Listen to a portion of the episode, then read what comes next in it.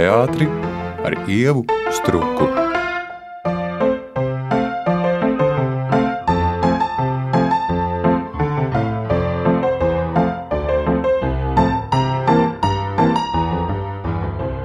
Raidījumā Šņurbēniņa mans viesis šoreiz ir no Teātras apvienības kvadrifrons, skaņu mākslinieks un cilvēks, kurš dara daudz ko citu - Kārlis Tone.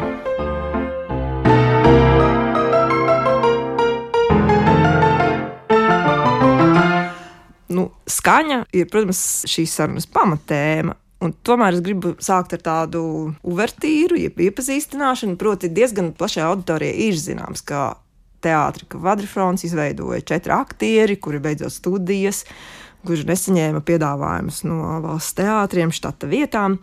Un par to ir arī filmā Ugunsaplis, ko veidoja Signa Birkova. Bet kā kvadrifronā nokļuvi tu? Jo, cik es zinu, tu tomēr esi arī klāt no pašiem pirmsākumiem. Kā tu tur nonāci? Viņi man palūdza. nu, jā, tieši tik vienkārši tas arī bija. Kad kvadrants jau bija izveidojies, es biju tieši svaigi pametis savu darbu, kurus biju nostrādājis laikam desmit gadus, kas bija jaunajā Rīgas teātrī. Es biju skatuves tehniķis, un tā kā man bija šī skatuves tehniskā pieredze, un mēs ar kvadrants cilvēkiem bijām pazīstami jau labu laiku, tad um, viņi man pieaicināja kā cilvēku, kurš uh, administrē viņu tehniskos procesus. Mēs ar manu sievu Inesu Toni, kur arī strādā kvadrātā, mēs abi strādājam arī jaunajā Rīgas teātrī. Abi to gan arī vienlaicīgi pametām, un kvadrants mūs aicināja pievienoties ap to pašu laiku. Kā notiek tā pakāpeniskā specializācija? Jo sākotnēji likās, ka kvadrātā lūk, tur ir cilvēki, kuri dara visi visu, un tomēr šķiet, ka pa šiem gadiem ir izveidojies, ka viens vairāk nodarbojas ar kaut ko vienu, cits ar citu. Un kā tieši attiecībā uz tevi, kas ir tās profesionālās prasmes, kas tevi ir vedušas uh, mūzikas un skaņas virzienā? Tā specializācija to droši vien nosaka dzīve un uh, visādi dzīves praktiskie aspekti. Uh, bet uh, nu es esmu mūziķis jau ļoti sen, arī jau krietni pirms kvadrifrona. Es aktīvi darbojos uh, Latvijas mūzikas pagrīdē, ja tā var teikt. Uh, Un, līdz ar to man tā mūzikas un skaņas lieta, nu, es vienmēr esmu dzīvojis tādas tā divas paralēlas dzīves. Viena ir profesionālā dzīve, kuras um, pelnu sev maizīti, un tā ir pamatā saistīta ar uh, skatuves tehnisko pusi. Un tad ir tā otra dzīve, kur uh, ir uh, mūzika, un šīs abas pasaules ne obligāti vienmēr pārklājās. Uh, Man pat arī tas bija patīk, ka viņas tā nepārāk pārklājās, ka viņas ir tādas, jā, tādas divas paralēlas līnijas. Nu, jā, mans dzīves mērķis nekad nav bijis būt par uh, teātra tehniķi. Tas notika, es pat teiktu, nejauši. Es teātrī vispār esmu diezgan nejauši. Un uh, tad kaut kādā brīdī Klaus man palūdza uh, sataisīt mūziķiņas Vienai, man liekas, ka pirmā bija Valmieras teātris festivālā izrāda mūžīgā izlaušanās, ka mēs tur skaņu māksloju. Un tad pēc tam bija um, Nacionālā teātrī izrāda, ka mēs mūžīgi aizmirstam nosaukumu. Tā, kur sauc lepnums un aizspriedums. Tā, kur sauc lepnums un aizspriedums, jā. Jā, un tad tur sākās viss tas covid, un uh, notika tāda kaut kāda iekāpta. Nu, šie procesi notika kaut kā vienlaicīgi, un tas covid lika mums sēdēt mājās, un tad mājās, protams, ko es darīju. Es darīju visādas mūzikas lietas, ko es varu padarīt mājās.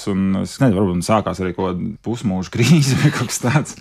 Un es sapratu, ka es vienkārši nespēju vairs to tehnisko lietu darīt. Man jau tā skatuves tehniķa profesija jau bija pamatīgi noriebusies jaunā Rīgas teātra laikā. Īstenībā es gāju no jaunā Rīgas teātra prom ar domu, ka nekāda teātra vairs nekad mūžā. Bet, nu, rekā nokļuvu vēl dziļāk teātrī. Nevēl tas arī pirms mūsu sarunas jautāju par tām definīcijām, jo savā ikdienas darbā es regulāri saskaros ar ļoti daudziem nosaukumiem. Skaņu režisors, skaņas dizainers, mūzikas autors, uh, mūzikas dizainers, muzikālais noformētājs, komponists. Un brīžiem ir ārkārtīgi grūti, nu, man kā cilvēkam, kurš varbūt precīzi ikdienā nestrādā ar skaņu, saprast, kur tad ir kaut kādas nianses un atšķirības. Ko tu pats domā par šiem tiešām dažādajiem jēdzieniem, vai tā ir tāda subjektīva katra skaņu mākslinieka pasaules izjūta, ja tomēr tur ir nošķiramas kaut kādas uh, nianses. Kā tev šķiet? Nē, nu, patiesībā tas viss ir ļoti vienkārši. Jo, nu, ir komponists, tas ir cilvēks, kurš izveido mūzikas materiālu, ko izmantos izrādē. Bet ar to tieši runājot par teātru specifiku, ar to nu, ļoti reti, kad pietiek tikai ar to bieži vien ar to nepietiek, jo um, tā mūzika ir jāpielāgo tieši konkrētām situācijām, tieši konkrētiem brīžiem, izrādē. Tā mūzika kaut kādā veidā ir jāpagarina, jāsaīsina, nu, nezinu, jāpieliek zvaniņš kaut kādā vietā. Nu, Un tad to dara mūzikas režisors, kurš izkārto visu to gatavo muzikālo materiālu. Viņš tā kā distribūtē pa tiem visiem izrādes pakšiem. Vienkārši komponistam prasīt, lai viņš uztaisa zvaniņu, man liekas, nav jēgas, jo tas ir ļoti viegli izdarīt. Un viņš arī nekad nezinās, cik kura aina ir gara. Piemēram, viņš to nekādā veidā nevar zināt. Un tāpēc man, jā, man patīk apzīmējums mūzikas režisors. Tas ir cilvēks, jā, kurš sagrāja, saliek gatavo materiālu konkrētai izrādē, konkrētām ainām, konkrētiem brīžiem, konkrētos garumos klausoties tevī, man ienāca prātā, nu, piemēram, ja ir autora rakstīts teksts, tad tajā mm. brīdī, kad režisors vai aktieri ieliek iekšā, teiksim, fragment no kaut kā cita, kaut vai tas ir maziņš, Gluži teorētiski mums būtu tas ar autoru jāsaskaņo. Un tad es vienkārši iedomājos, vai tajā brīdī, kad tu saņem gatavu šai gadījumā, kā teātris, skaņu mākslinieks, saņem gatavu materiālu no komponista X vai no komponista Y, un tu tur ievieto, nezinu, sliežu, skaņu, švīkstoņu vai mm. suņa rejas cik tas ir nu, brīvi attiecībā par to komponistu darbu. Jo, teiksim, tā, tu varbūt tur ieliec takšerējas, bet viņš gribētu vilku suņa gaudojumu. Um, ja tā ir tava brīvība. Kaut kādā mērā tā ir mana brīvība, bet uh, es nezinu, kā tas notiek citur. Es īstenībā ar saviem amata brāļiem patiesībā ļoti maz komunicēju par to, kā tas notiek citur. Es parasti parunāju ar uh, pašu komponistu, jo parasti diezgan ciešā sazobē darbojos ar, ar komponistu. Un, uh, nu, ja tā ir skaņa režija. Es vienkārši atrunāju šīs lietas, ka nu, var gadīties, ka mums tur būs situācija X un Y, un mums tur vajadzēs kaut ko nezinu ko. Un tad uh, būtu labi, ja man būtu brīvība tur kaut kā improvizēt. Un, uh, līdz šim komponisti nav pretojušies. Un kā ir brīžos, kad tu pats esi komponists, vai tev kādreiz sāp sirds, ka tev ir kaut kur jāpārtrauc, vai jāīsina, vai jāmet, nezinu, cilpas? Kā tu pats pret savu darbu attiecies šādā kontekstā? Mm -hmm. Man sāp dažreiz sirds, ja man liek saīsināt, bet vienlaicīgi arī nesāp. jo, um, ja tev kaut kas ir jāsaīsina, tas nozīmē, ka, nu, lai tā sirds nesāpētu pārāk, tad tas materiāls ir jāmēģina kaut kā sakoncentrēt. Un tas ir tāds foršs izaicinājums, kā tu tur, nezinu, ja tev ir divu minūšu kaut kas, kas skan kā tu to informāciju, kas izskan divās minūtēs, kā tu to ieliec, teiksim, 30 sekundēs. Tad tur tāds foršs Rubika kups sāk veidoties, un uh, man liekas, interesanti. Ne, bet es to ļoti labi saprotu. Es rēķinos vienmēr, ka kaut kas tiks noīsināts, kaut kas uh, noteikti nepatiks. Uh, kaut ko izmetīs ārā, un nu, tas tā ir. Es kaut kā cenšos to skatīties pragmatiski, bet, nu, protams, dažreiz jau sāp sirsniņa, un bieži vien to, ko nepaņem, tas tev pašam ļoti patīk. Un, un, bet tad pasaka, nē, nē, nevajag. Tas man arī bija tieši viens no jautājumiem, cik lielā mērā izdodas to savu dzirdi, lietošu jēdzienu, sinhronizēt ar režisoru dzirdi, jo principā jau mēs nu, katrs laikam ārkārtīgi atšķirīgi, mm. it sevišķi tādā mm. dzirdes līmenī uztveram pasauli, vai tas ir sarežģīti, ņemot vērā, ka tomēr arī nu, nav tā, ka, teiksim, kvadrifrons strādātu tikai un vienīgi nemainīgā sastāvā, un skats, ka arī tur notiek iekšēja rotācija, mākslinieki nāk klāt, ir citi. Vai tu to savu pasaules skanisko izjūtu vari nodot citiem vai sadzirdēt? Nu, man laikam ir paveicies, ka tie režisori, ko es esmu strādājis, viņi nav daudz, es neesmu tāds pieredzes bagāts mākslinieks. Es esmu strādājis ar Paulu un Klāvu pamatā. Ah, Ingai Tropēju uztaisīju arī vienu tinkšķīti. no Reini Botteru. Reinis, piedod Reini, ārprāts aizmirsu Reinis. Nu, nekas, toties es atcerējos. Paldies, Reinis to klausās, es ļoti atvainojos Reinim. Jā, man parasti līdz šim kaut kā režisori uzticās man, ļauj man kaut kā pašam stūrēt to procesu un pasaka, nē, nē, nē, tad, ja es tiešām eju kaut kādās pilnīgās auzās, bet tādu brīžu, paldies Dievam, ir salīdzinoši maz. Klāvam pārsvarā ir tā, ka viņš zina jau mūziku, kas tur skanēs krietni pirms tās izrādes, un, un, uh, un tas, kas man ir jāizdara, ir kaut kā mēģinu saprast, nu, kāpēc tieši tas, tas vienkārši ļauj tev pieņemt lēmumus vēlāk, jo tu saproti, ko griezt, ko negriezt ārā. Bet jā, man pagaidām ir kaut kā tīri labi veicies, ka man ļauj diezgan brīvi operēt, un es tur visi tie dažreiz tie mūrgi, ko es iesaku, tie, tie arī strādā un tas darbojās. Un režisoriem patīk. Ar gediņiem es esmu arī strādājis. Jā, jā, līdz šim visi man plus-mínus uzticās. Tad, kad es studēju, bija tāds jēdziens ar kritisku.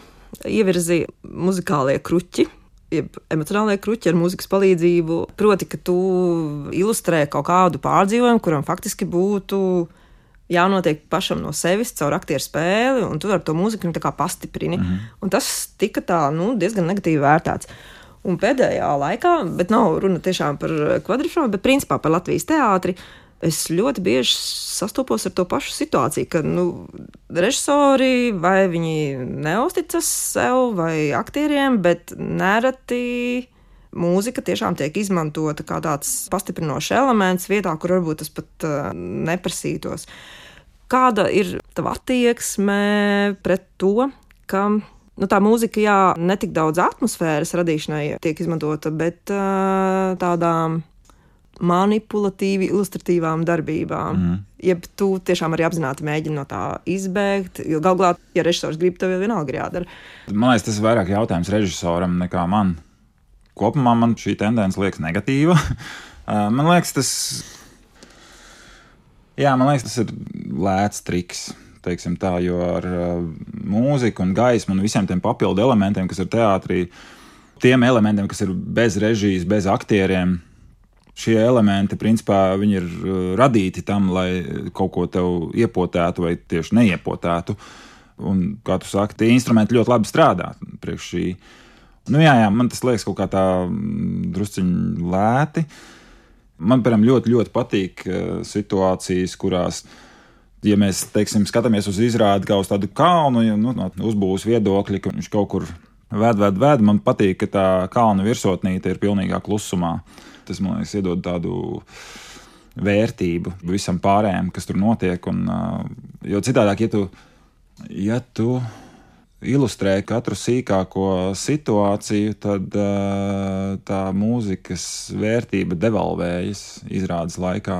Viņa kļūst tāda tiešām, kā tu saki, kruķis, kruķīga. Tie brīži, kad viņi ienāk, nav vairs tā svara. Man tā šķiet. Nē, nu atkal no otras puses.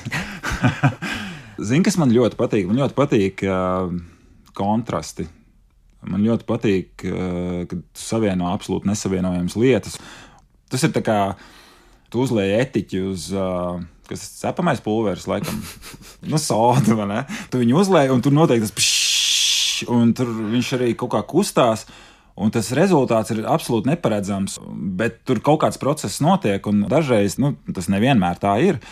Dažreiz tas process, tas ir, man liekas, baigi vērtīgs, un tur rodas baigās pērles. Un tas ir kaut kas, ko tu nekad mūžā neizdomātu. Bet rekā tu esi uzģenerējis kaut kādu situāciju, kurā tas notiek, tāpēc man liekas, ka dažreiz ir interesanti kaut kādā situācijā, kurā, nezinu, tur nomirst tēvs, skan kaut kas, ko neviens nekad nav gaidījis. Tas principā ir kruķis kaut kādā mērā. Kaut kādā mērā tas ir arī kaut kāds tev bžš, kaut kas tāds arī. Bet tas jau ir tāds eh, režisora jautājums. Man liekas, atbildās pret eh, režisora gaumi un, un kaut kādu vērtību sistēmu. Nē, nu, vērtību sistēmu, nē, tas bija pat traku. Bet, nu, gaumi, jā. Šņurbēniņi. Ar Teātras apvienības kvadrfrontes skaņu mākslinieku Kārlu Toni sarunājas Ieva Struka.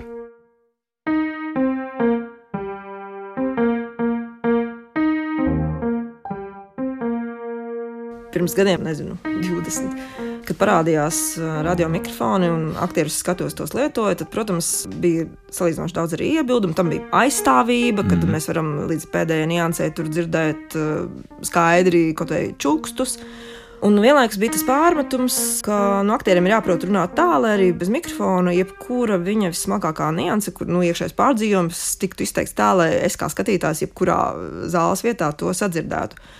Ir pagājuši gadi, un man ir sajūta, ka notiek pretējais process, ka tajā brīdī, kad es satiekos ar izrādi, kurā aktieri ir bez šiem radiomikrofoniem, ka es jau esmu spiesta piepūlēt dzirdi, un nav runa par dikciju, bet tieši par to, ka tu jau pieredzi pie kaut kādas skaņas intensitātes, un tu viņu vairs tā kā īsti uh, nedabū.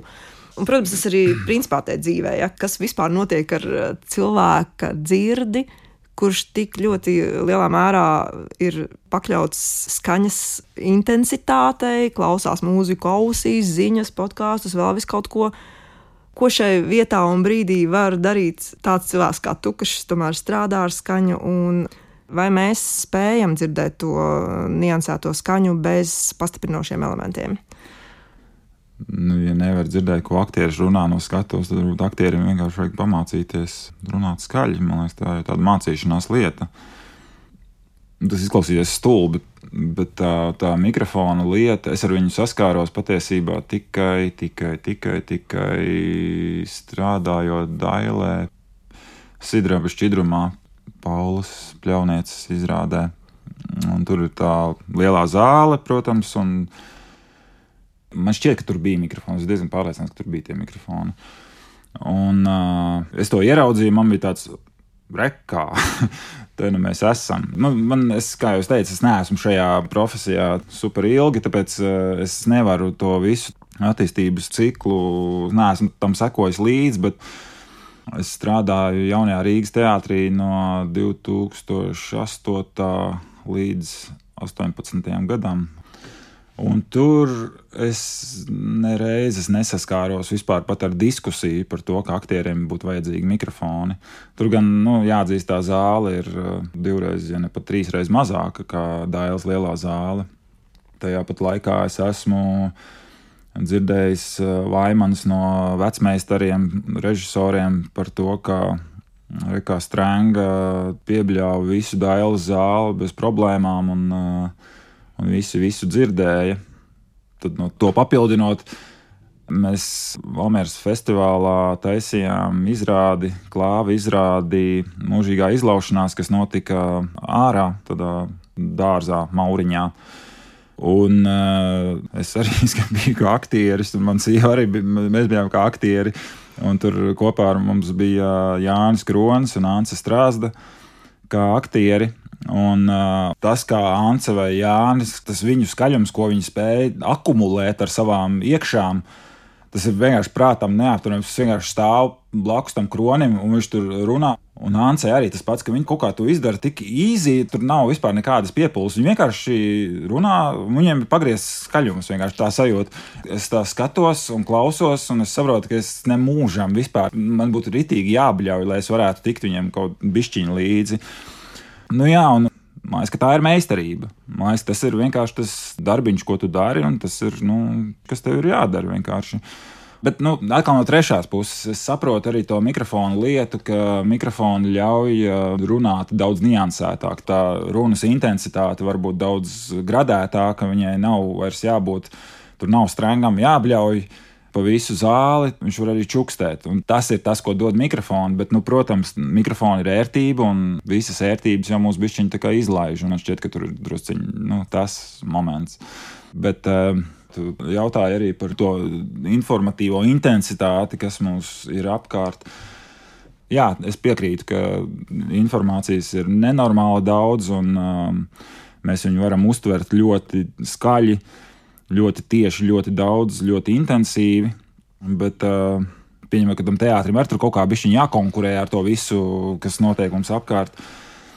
Jā, nu tas tā ir, bet uh, varbūt vienkārši bišķiņ kaut kāda higiēna jāmēģina ievērot notiecībā uz to, ko mēs uztveram. Uh, Tas to vairāk tiešām no praktiskās pieredzes, ka tev ir viena izrāde ar mikrofoniem, otra ar mikrofoniem, trešā ar mikrofoniem, un ceturtā izrāde. Un it kā aktieri dara nu, mm. pēc vislabākās sirdsapziņas, un ir kaut kas pamainījies uztverē, tieši skatītājs uztverē. Viņi saka, nu, tā kā mēs vairs nedzirdam. Tas nav tikai stāsts par dikciju. Jā, jā nu man liekas, ka tur ir tas bijis moments, ka teātris režisori un tā producenti, kas vēlas, lai to izrādu uztver pēc iespējas vairāk skatītāju. Es domāju, ka mikrofoni ir solis no viņiem. Tas ir nu, kā solis pretī auditorijai. Tajā pat laikā, jā, kā jau teicu, tas ir solis arī aktierim, tas ir solis pretī komfortam. Un, attiecīgi, šie abi elementi, kā pas par vienu solīti, pas par otru solīti, un tā viņi tā nonāk kaut kādā teritorijā, kurā izrādās, ka aktierim varbūt vairs nav tā prasme skaļi runāt, varbūt viņi kļūst jau mazliet lieka. Un varbūt mēs esam nonākuši drusciņi tur, bet nu, es neesmu aktieris. Es redzu, cik tas ir drausmīgi grūti, un es vispār netaisos nekādā veidā kritizēt nevienu aktieri. Bet, uh, mm, jā, man liekas, ka tur vienkārši ir runa par to fizisko skaļumu, ko aktieru ķermenis spēj uzražot. Tā ir, man liekas, tāda prakses lieta tavā radošā pūrā un kvadrifrāna pūrā ir arī audio izrādes. Un, mm. uh, nu, es nezinu par Rīgas ģērpatas kronikas popularitāti, bet Rolanda dziesma un Covid laiks tas bija, man liekas, tāda ļoti veiksmīga satikšanās. Un, uh, Kā ir šādus darbus veicot no tādas skaņas aspekta? Cik tie uzdevumi bija, ir vai būs nākotnē sarežģīti, un kā notiek tā skaņas plānošana? Kas būs tas, ko sasniegs tās manas ausis, ņemot vērā, ka es neredzēšu, es tikai dzirdēšu to, ko es dzirdēšu? priekš, paldies, ka tev patīk. Man ļoti liels prieks. Man, man arī tas ir no, ārkārtīgi mīļš projekts. Jo, jo līdz Covidam es biju šausmīgi, šausmīgi daudz strādājis. Un, uh, tad uznāca tas Covid, un tas notika pavasarī. Un, uh, Un tu pēkšņi tev vienkārši nav nekas jādara, un ir pavasaris, un viss ir tik forši. Dzīvo, es, es nedzīvoju Rīgā. Tāpēc tas pavasaris kaut kā, tev nekur nav jābrauc. Tu vienkārši piecēlies no rīta, iedzer kafiju. Un tā nočubina kaut kādu dienu, darot kaut kādas savas lietas. Un, uh, tas bija pirmais uh, lockdown.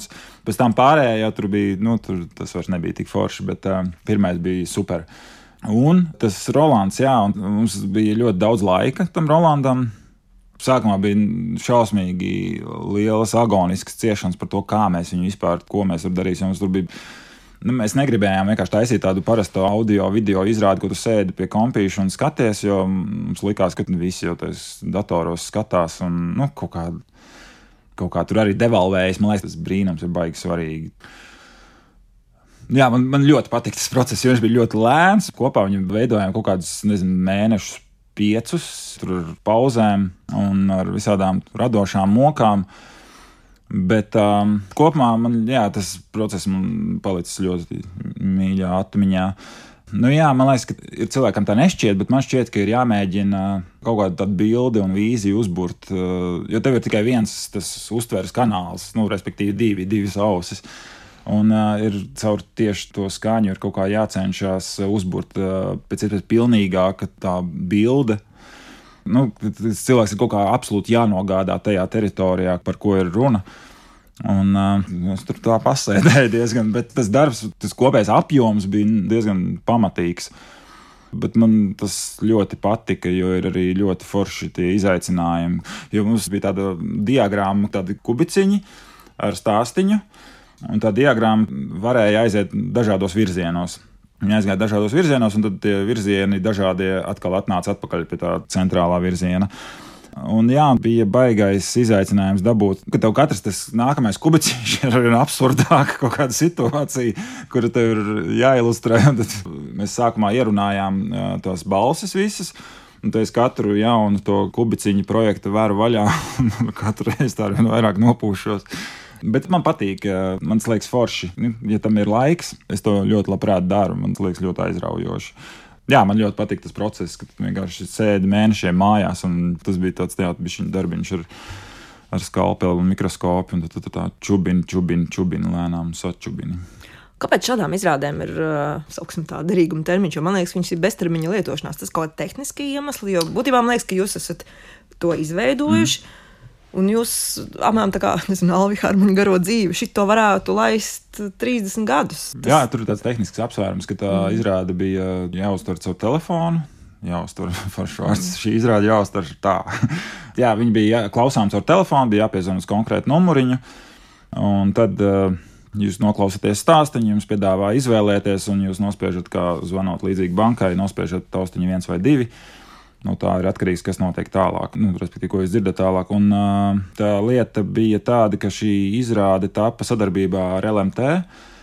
Uh, Latvijas mobilo telefonu, un uh, tas ir maksas pakalpojums priekš mums, un līdz ar to tur beidzās vienkārši līdzekļi.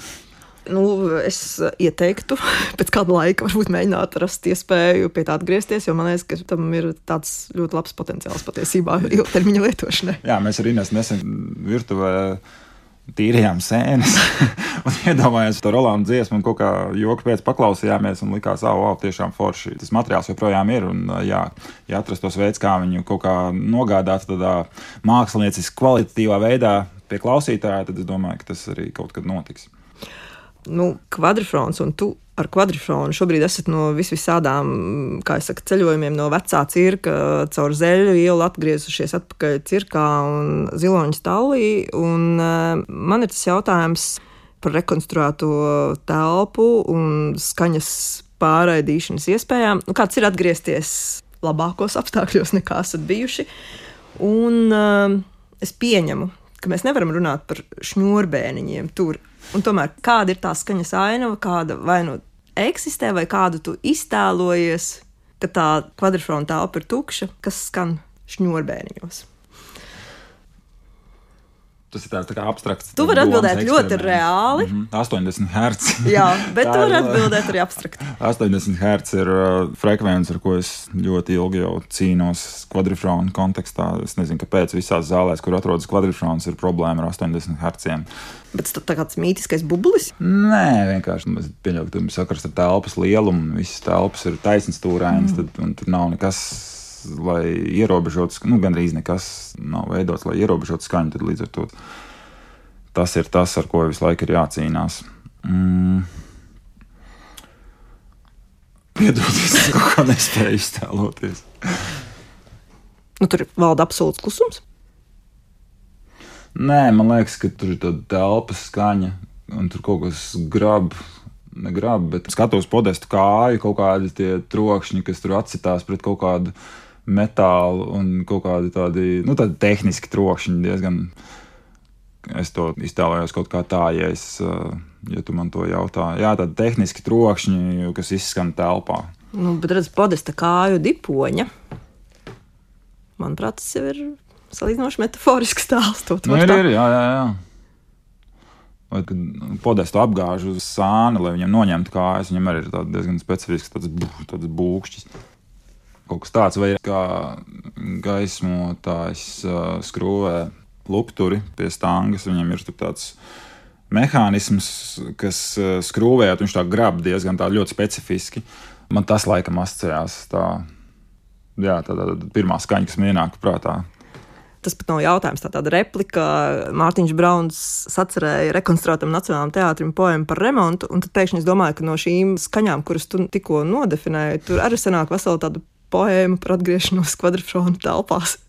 nu, jo no trokšņiem veido taču veido mūziku. Nu, sanāk, sanāk, jā. Es vienreiz taisīju skaņu tādu mākslu no iepriekšējā cirka arēnā. Tur bija tie krēsli, un viņi tur visādi čīkstēja. Tad, tā nebija mana ideja. Es biju izpildītājs. Es taisīju tādu dziesmiņu no tām krēslu čīkstēšanām. Tā ir ierakstīta. Viņi ir ierakstīti, bet kur ir ieraksts? Es nezinu.